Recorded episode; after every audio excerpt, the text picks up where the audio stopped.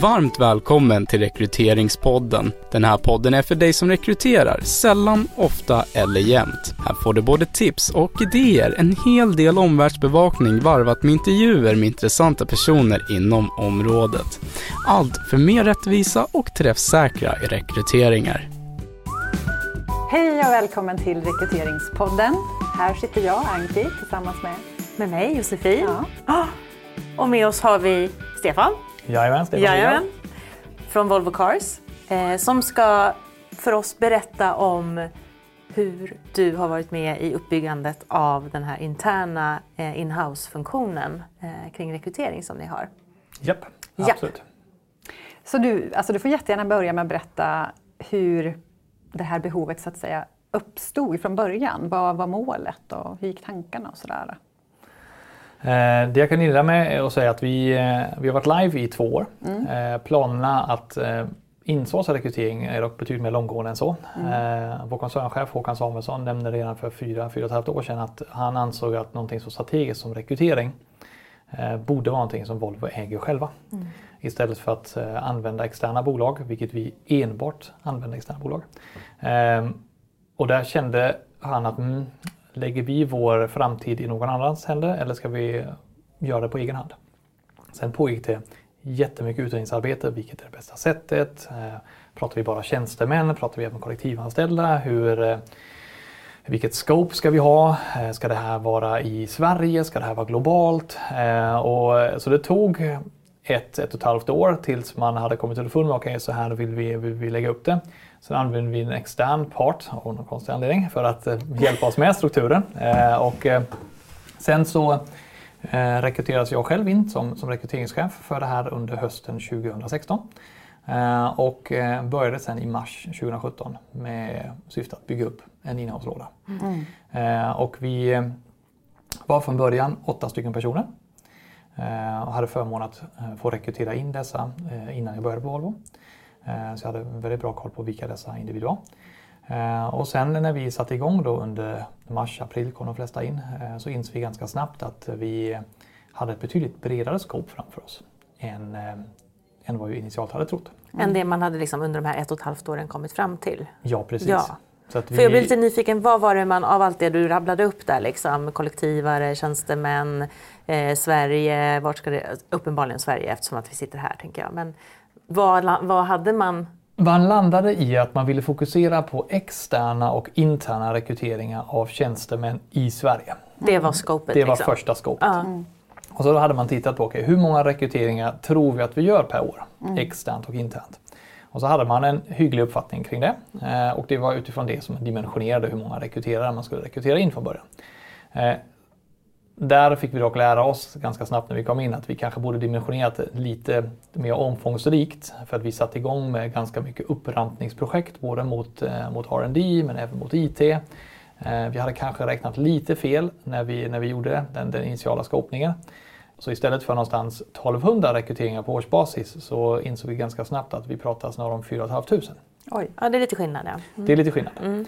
Eh, plus att de systemen som vi trodde att vi kunde förlita oss på eh, redan från dag ett var ju kanske inte riktigt eh, i paritet med den, den förväntansbilden som, som vi dels ville haft och även behövde ha för att få den stöttningen när vi faktiskt utförde våra rekryteringar. Eh, så vi hade en hel del barnsjukdomar, vilket man har i början. Eh, så det ledde till att vi ganska snabbt rekryterade en herrans massa rekryterare. Eh, och vi var som mest uppe i 40-42 pers. Eh, nu är vi någonstans kring en 31-32, lite beroende på hur vi räknar. Och eh, huvudfokus är fortfarande Sverige, även om vi numera även supporterar våra dotterbolag. Och med det menar jag Polestar, Cabby Volvo och även M. Eh, och vi har även breddat skåpet till att nu hantera även EMEAs rekryteringar. Och EMEA är ju, där har vi alla våra säljkontor. Eh, och, eh, så från Sverige så, så hjälper vi EMEA och vi hjälper eh, som sagt dotterbolagen. Vi finns idag med en rekryterare i Stockholm. Vi har två rekryterare i Lund och resterande sitter här i Göteborg. Och då kan jag tänka mig att man har en eh, mix av människor också med tanke på att ni då stöttar geografiskt eh, en spridd marknad också. Ja, alltså den, eh, det vi insåg ganska, ganska tidigt är att rekryterare, ingen kan vara bäst på allt. Nej. Så att vi har en indelning att de dels jobbar mot vissa av våra funktioner. Eh, Så finns ett team med, med en chef som hanterar enbart rekrytering inom R&D. Mm. Sen finns det ett team mot våra commercial operations och där ingår även våra dotterbolag och EMEA. Sen har vi ett team mot våra corporate functions och ett, ett fjärde team mot våra manufacturing logistics. Och, Eh, så de rekryterare jobbar ganska dedikerat åt de olika eh, områdena. Mm. Sen har de även många gånger en specialistbakgrund. Vissa rekryteringar jobbar till exempel bara mot UX eller bara mm. mot tech eller bara mot forskning och utveckling. Mm. Sen är ju vi som bolag ganska blandade avseende nationaliteter och så vidare, vilket även syns i rekryteringsteamet. Vi har individer från Nordamerika, vi har individer från hela Europa, Östeuropa, Sydostasien. Ehm, och det ger såklart en, eh, en annan puls. Ehm, vi pratar inte speciellt mycket svenska på dagarna ehm, och eh, där tycker jag att vi speglar ganska väl hur vårt bolag generellt sett ser ut. Det är ju mm. det är en hel del svenska men det är även ganska mycket folk från andra länder. Mm. Och idag så har vi en setup där vi har ett rekryteringsteam i Sverige som då supporterar Sverige och EMEA. Vi har ett rekryteringsteam i Belgien som supporterar den enheten där. Vi har ett tredje rekryteringsteam i eh, Americas som då hanterar eh, vår US Operations och sen har vi ett fjärde team i APAC som sitter i Shanghai och de hanterar då Sydostasien. Mm. Så hur många är ni totalt då? Mm. Totalt eh, bland rekryterare så är vi eh, närmare 50. Ja. Mm. Och eh, jag tänker hur, eh, hur, vad gör rekryterarna och vad gör verksamheten själva? Alltså hur ser samarbetet ut? Mm det är ju när en rekryterande chef har ett behov mm. av, ehm, eh, av att antingen ersätta någon eh, som, som har lämnat oss alternativt nyanställa någon när det behov finns. Eh, så kommer vederbörande in med en rekryteringsförfrågan som sedan plockas upp av den individen som är bäst lämpad att ta sig an den typen av rekrytering. Mm. Och därefter så jobbar våra innehållsrekryterare i princip som vilken extern rekryteringsfirma som helst. Så man, man har en gedigen kravprofilsanalys och även se, okej okay, är det faktiskt det här du behöver eller ska du ha någonting annat? Mm. Um, om nu uh, Kalle eller Stina har slutat, ska du ha in en ny Kalle eller Stina ska du ha in en, eh, en Rashid eller en Emilia eller vad som helst? Uh, så det ligger oerhört mycket arbete i att definiera den faktiska profilen. Och därefter så kommer rekryteraren gemensamt med, med chefen överens om okay, vilka kanaler ska vi ventilera den här vakansen inom? hur mycket ren alltså headhunting och search kommer vi bedriva? Tror vi att den personen finns i närområdet, att den finns mm. internationellt någonstans. Eh, så det är ju väldigt alltså, case by case anpassat. Mm. Eh, och sen gör rekryteraren ett, eh, ett urval, eh, gör intervjuer, vi använder assessmentverktyg. Ehm, vi stöttar chefer i den mån de är oerfarna när det kommer till rekrytering och kan hjälpa till med intervjuer och så vidare och sitta med vid intervjuer. Och är chefen mer erfaren så driver de en större del av processen på egen hand. Mm. mm. Eh, men man har en person, en dedikerad person att, eh, som håller den i handen genom hela processen. Mm. Mm. Det är en sån fullservice liksom, eh, Ja, det är en, det är en 360-rekryterare liksom. kan man, kan man säga. Vad var utmaningarna då? För jag tänker att här har en, du kommer in, det är en organisation som är van att ringa den här externa rekryteringsfirman. Och eh, sen så ska ni komma in och göra någonting helt annat, eh, eller jobba på ett annat sätt i varje fall. Vad ser du, när du tittar tillbaka, vad har de största utmaningarna varit? Det var ju initialt lite utmanande att, att skapa det förtroendet mellan rekryteringsfunktionen och, eh, och linjen. Mm. Eh, vi ansågs ju vara lite grann ett bolag i bolaget. Mm. Eh, man ska ha i åtanke att alla rekryterare var nya, bortsett mm. från kanske en eller två. Mm. Så vår egen Volvo-kännedom var ganska begränsad. Eh, vi hade kommit antingen från den kommersiella sidan på rekryteringsmarknaden alternativt från andra innehållsfunktioner. Eh, vi hade en ganska blandad även nationell versus internationell bakgrund med oss in. Eh, så att första året så handlade det väldigt mycket om att bygga förtroende för, för oss som, som funktion och vad vi kan åstadkomma, hur vi kan stötta chefer, hur vi kan utmana chefer.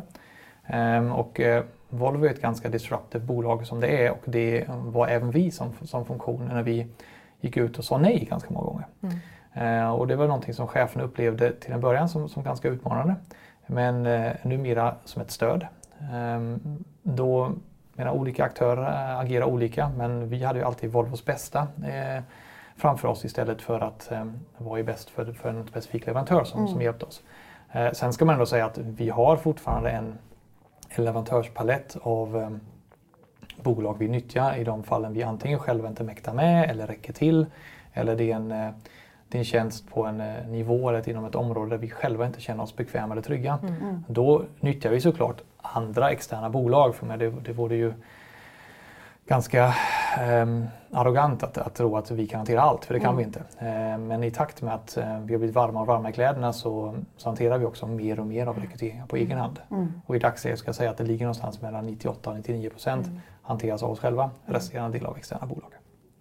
Och i den utmaningen, för jag, jag känner ju igen den liksom från andra som jag har lyssnat till eller som vi har samarbetat med, det här liksom att få verksamheten att faktiskt lita på att vi, vi hjälper dig. Vi, vi, det här är vår profession. Liksom. Det här är en arbetsuppgift som ligger på dig som chef. Det är du som antagligen, jag antar det, fattar beslutet. Men vi, vi är experter på rekrytering. Kan du liksom förtydliga lite hur ni gjorde under det här året, ett och ett halvt åren för att få till det? Så att ni landade i det här, nej men nu kan vi säga nej och vi kan liksom vara rådgivande, konsultativa och ifrågasättande och så vidare. Det måste ju varit en, en enorm resa liksom, som du behövt göra på många olika sätt. Absolut, och det som var egentligen receptet för framgång det är att vara nära linjen. Mm. Så rekryterarna jobbar ju ute med sina arbetsuppgifter men i linjen. Mm, ja. Och då merparten av våra arbetsytor är aktivitetsbaserade, så det finns ju lediga skrivbord precis överallt. Mm. Så eh, åligger det rekryterarna att sitta en, två, ibland tre dagar i den verksamheten de supporterar. Lära känna cheferna, eh, sitta med i ledningsgruppssammanhang när man pratar om eh, rekryteringsfrågor. Eh, att eh, lyssna väldigt mycket, att, att lära känna verksamheten. För det är ju inte förrän du faktiskt också förstår chefens språk som du kan översätta till någonting annat och mm. vice versa. Så synligheten, närheten har varit oerhört framgångsrikt. Mm. Eh, sen ska man inte heller underskatta att rekryterarna som, som jobbar här har i snitt mellan 8 till 10, vissa 15 års arbetslivserfarenhet av rekrytering utanför Volvo med sig. Mm. Eh, många gånger inom ganska smala områden så den kompetensen de tar med sig in i ett, eh, i ett samtal kring en kravprofil eller hur man går tillväga för att attrahera en viss kandidat har ju skilt sig ganska avsevärt från många av de tredjepartsleverantörer som vi använde tidigare. Mm. Så senioriteten hos, i teamet har ju såklart lett till att det är väldigt snabbt byggt upp ett förtroende. Mm. Och man såg ju det även i kvaliteten av kandidater som vi kunde tillhandahålla versus eh, vad andra bolag kunde tillhandahålla. Eh, och, så kombination av alla de delarna har gjort att vi, eh, vi känner oss trygga när vi går in i samtal med cheferna. Cheferna vet vad de kan förvänta sig av oss. De vet även vad vi ställer för krav på dem. Mm. Eh, och eh, sen är ju varje case unikt. Mm. Eh, och det handlar om människor och det, det är ju inga produkter som, som vi som vi säljer i det avseendet utan vi, vi tillhandahåller en tjänst. Det är ändå framtidens bilbyggare som vi, eh, som vi attraherar och, eh, och sen eh, även då anställer på Volvo. Sen åligger det såklart cheferna i ett senare skede att säkerställa att de faktiskt också stannar här. Mm. Så uppföljning av huruvida en rekrytering har varit lyckosam eller inte, vilka parametrar mäter man det på? Och det är något som vi kontinuerligt diskuterar och utvärderar och, och uppdaterar. Så att vi säkerställer att det inte bara handlar om att få hit individen utan även att se till att de stannar, att de trivs, att de, att de vill vara här. Mm. Ehm, så det är ganska mycket det jag har reda på. Mm. Jag tycker att det här med kandidatupplevelse är extra eh, intressant och relevant, inte minst idag med den kandidatbrist som råder på marknaden. Eh, kan ni se någon skillnad där utifrån att, eh, hur kandidaterna uppfattar er som alltså er rekryteringsprocess och hur den funkar för dem och vad, liksom, hur de kommer ut ur den processen oavsett om de fick jobbet eller inte. Eh, har ni några mätningar eller har, någonting sånt? Vi, eh, det, det, man initialt kan nämna är att vi märker ju intresset från kandidaterna när de träffar våra rekryterare som faktiskt jobbar här mm. är betydligt större än när det är ett, ett externt rekryteringsbolag som ska rekrytera åt oss. För nu ska inte jag generalisera men, men uppfattningen hos många kandidater är att man hamnar i ett svart hål och sen har man liksom inte något ägandeskap i sin egen rekryteringsprocess. Var står jag någonstans? Vad händer? Och mm. Eh, vem och hos hos det bolaget jag visar mitt intresse för egentligen beslutsfattare och eh, var ligger jag i processen. Mm. Eh, det har vi tagit bort mm. eh, i och med att våra rekryterare är i direktkontakt med rekryterande chef. Eh, så när du, när du kommer till oss och visar intresse för att vilja arbeta för, för Volvo Cars så pratar du med en anställd på Volvo Cars. Mm. Du pratar med någon som i princip på daglig basis är i den miljön där du mm. själv förväntas jobba i ett senare skede. Eh, och det i sin tur leder till att informationen som du får till dig eh, och närheten in i vårt bolag eh, gör att intresset från kandidaterna är mycket större. Mm. Sen åligger det oss, precis som alla andra rekryteringsbolag, att kontinuerligt informera kandidaterna. Det här är status, det här, är, det här händer i processen, det, här, det kan ibland dra ut på tiden, varför sker det? Mm. Eh, så enbart för att vi är en innehållsfunktion så kan inte vi minimera kontakter med kandidater utan vi får ju vara på tårna. Mm. Eh, för många av de individer som, som vi vill attrahera till oss, de har inte ett erbjudande på, på bordet, de har två, tre, fyra, fem. Mm. Så vad särskiljer oss? Um, och vi är många gånger en, en väldigt tydlig kulturbärare av, uh, av Volvo-kulturen. Um, vi förväntas ha svar på hur det är på daglig basis. Uh, vi förväntas ha svar på hur karriärutveckling kan, kan ske. Um, vad händer efter det här jobbet? Mm. vad finns det för andra delar som kan vara av intresse för mig som kandidat? Så rekryterarnas kunskapsbas handlar inte enbart om det specifika jobbet utan mm. även om allting annat runt omkring. Mm. och det har ju såklart tagit lite tid att bygga upp den kompetensen. Eh, men jag tycker att vi har kommit ganska väl på väg. Eh, sen när det kommer till att mäta kandidatupplevelse så skickar vi ut surveys mm. till kandidater som har varit inne i rekryteringsprocesser för att se hur upplevde de det. Mm. Eh, vi använder även surveys som vi skickar ut till våra chefer så de kan bedöma hur rekryterarna uppfattades från, från chefens sida. Och sen har vi introducerat en sak till där vi skickar ut service till våra rekryterare där mm. de får bedöma våra chefer. Mm. Hur de agerar? Ny har jag inte hört. Jag, jag, sitter nämligen och så här, håller på min nästa fråga som ju handlar om det här. Liksom, vad är det för någonting som ni eh, vad har ni för eventuella KPI? Alltså vad tittar ni på som funktion för att liksom hela tiden skruva på? Men det där var ju jättespännande. Så ni skickar ut vi ratear våra chefer. Mm. Hur, hur agerar de i en rekrytering? Mm. Är de professionella? Är de pålästa? Eh, följer de tidsplanen? Har de eh, prioriterar de rekryteringen? Hur uppfattar vi dem i intervjusammanhang? Eh, hur är de i sin återkoppling när de, själva vill göra det? Eh, hur hanterar de kandidaten? Mm. För med kandidatupplevelsen handlar inte bara om vad kandidaten tycker och vad rekryteraren tycker utan det är ju även hur rekryteraren uppfattar det. Mm. Och här handlar det om att försöka hitta de chefer som har en, en oerhörd fallenhet för, för att rekrytera för att våra andra chefer kan lära sig av dem. Mm.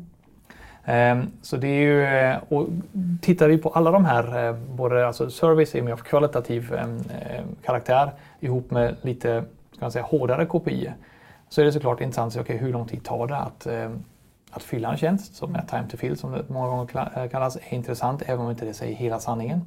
För i dagens search-intensiva eh, rekryteringsarbete så är det ju inte längre, fyller du en tjänst på 30, 50, 70 mm. dagar utan många gånger handlar det fyller den med rätt kandidat. Mm. mm. Ehm, det vi tittar på är ju även okay, hur, hur mycket jobbar en rekryterare i sina olika case? Vad, vad prioriterar man? Ehm, hur, många, hur stor är portföljen? Hanterar mm. man för mycket case? Hanterar man för lite case? Ehm, vad är kvalitet egentligen? Mm. och det är ju inte ett, en enskild KPI som, som visar att okay, nu går det bra eller nu går det dåligt. Utan vi analyserar just nu, och då ska man ha i åtanke att vi inte funnits speciellt länge. Vad är egentligen en framgångsrik rekrytering? Ehm, är det huruvida personer är kvar efter 6, 9, 12, 18 månader? Ja, det kan det väl på ett, på ett eh, mm. sätt vara. Ehm, vi försöker mäta, okay, har vederbörande sedan den kommit hit blivit befordrad? Mm. Ehm, vi tittar även när vi utvärderar chefer generellt sett, hur promotar de sina anställda? Det är så här, vilken karriärutveckling tillhandahåller cheferna? för det är också någonting som vi sedan använder i rekryteringssyften. Vi berättar, okej, okay, inom den här funktionen, den här chefen, inom den här avdelningen så, så arbetar man på det och det sättet. Så det är ju inte bara rena rekryterings-KPI som ligger till grund för att avgöra hur vi gör ett bra jobb eller inte. Mm. Utan det är ju det är betydligt längre led. Eh, det är nästan är så att eh, man tänker de här små ryska dockorna, man öppnar en och så finns det en docka i den och så är det en mm. docka i den. Mm. Och det är precis likadant när man pratar om rekryterings-KPI. För du mm. börjar med en, sen leder det till nästa och till nästa och till nästa. Och, eh, eh Sen kan man ju, statistik är ju, ja, det är aldrig sidan en källa för inspiration och, mm. eller förbannelse beroende på hur man väljer att titta på statistik. ja. um, så vi försöker vara smartare, uh, att inte överanalysera heller.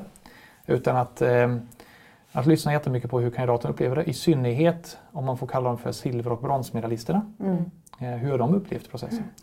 Eh, men, eh, men även en guldmedaljist. Eh, vad, vad tyckte han eller hon funkade och inte funkade? Mm. Så under onboardingen sen av kandidaten så, så ställer vi flertalet tillfällen frågor kring okay, hur, hur var din upplevelse? Hur är den nu? Eh, när de har jobbat 3-6 månader. Eh, motsvara din verklighet, den förväntansbilden som du byggde upp under rekryteringsprocessen. Om den inte gör det, okej, okay, kanske vi behöver ta till oss att vi behöver ändra på någonting. Om den gör det, fantastiskt, då har vi, då har vi in sync.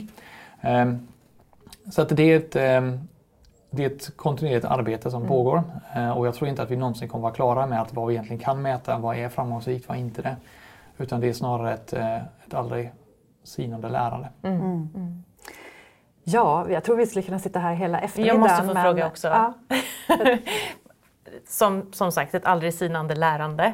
Vad utifrån det du har lärt so far liksom, i det här tänker du att du ska satsa på framåt? Alltså, vad, om du kan avslöja det. Liksom, vad står ni inför nu? Mm. Vad, är din, eh, liksom, vad, vad händer resterande Q2, Q3, Q4 här? Vad, vad... Vi har ju fokuserat väldigt mycket på vår tjänstemannapopulation. Mm. Uh, och uh, det kan jag själv tycka har varit, inte nödvändigtvis på bekostnad av, av våra kollektivanställda, men, uh, men det som ligger i pipen nu är att vi kommer lägga betydligt större fokus på att att titta på både externa och interna rekryteringar på kollektiva sektorn. Mm. Där vi ser att um, den rörligheten som vi gärna vill ha i bolaget inte är i paritet med hur den de facto är. Nej, okay. så just blue collar rekrytering står mm. väldigt högt upp på, mm. på, på listan.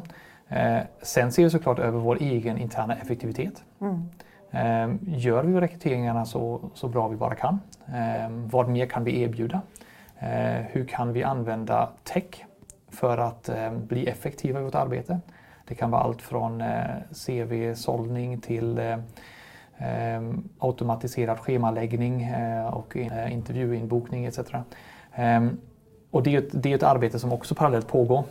För vi, vi lever i en värld där vi med en begränsad andel resurser ska försöka göra mer och mer saker. Mm. Då behöver vi såklart även från rekryteringshåll eh, dra vårt strå till stacken och säga okay, vad kan vi göra annorlunda? Mm. Avslutningsvis då, om du skulle ge ett tips till, eh, för jag är säker på att många som lyssnar eh, går i de här funderingarna på att faktiskt ta hem sina rekryteringar. Vad vill du ge för tips till dem? Um, tänk efter ordentligt innan. Och um, det, är, det kryllar av rekryterare ute på marknaden. Var väldigt picky när du plockar in rekryterare. Uh, och uh, ja, det kan vara lite dyrare än man tänkt sig. Men man vinner rejält på det i slutet. Eh, och vi, eh, vi har med jämna mellanrum diskussioner med andra bolag som är i situationer där de gärna vill insourca. Eh, och där finns det många gånger en väldigt enkel och billig lösning. Eller så finns det en lite svårare, lite mer kostsam lösning. Vi har spenderat enorma pengar på att bygga den här lådan till vad den är idag. Eh, och jag tycker vi har varit smarta längs vägen men vi hade kunnat vara än smartare. Och det är till syvende och sist rekryterarna som gör jobbet. Så ju bättre rekryterare man plockar in mm. att, att supportera verksamheten desto bättre output kommer man få. Mm. Ehm, så där tycker jag att det där, om det är någonstans man inte ska snåla så är det ju i kvaliteten av rekryterarna för de, det är de som kommer make it or break it. Mm. Mm. Så som rekryter, alltså chef för rekryteringsfunktionen internt behöver man vara bra på att rekrytera själv? Ja, det kan man säga. Till sitt team. Ja. Till sitt team. Ja. Bra, men eh, som sagt, vi måste nog tyvärr avsluta nu, men vi vill tacka dig så jättemycket Stefan för att du har varit med och berättat alla de här uh, intressanta sakerna om mm. er resa. Det var bara roligt att träffa er. Tack, Tack så mycket. Tack ska ni ha.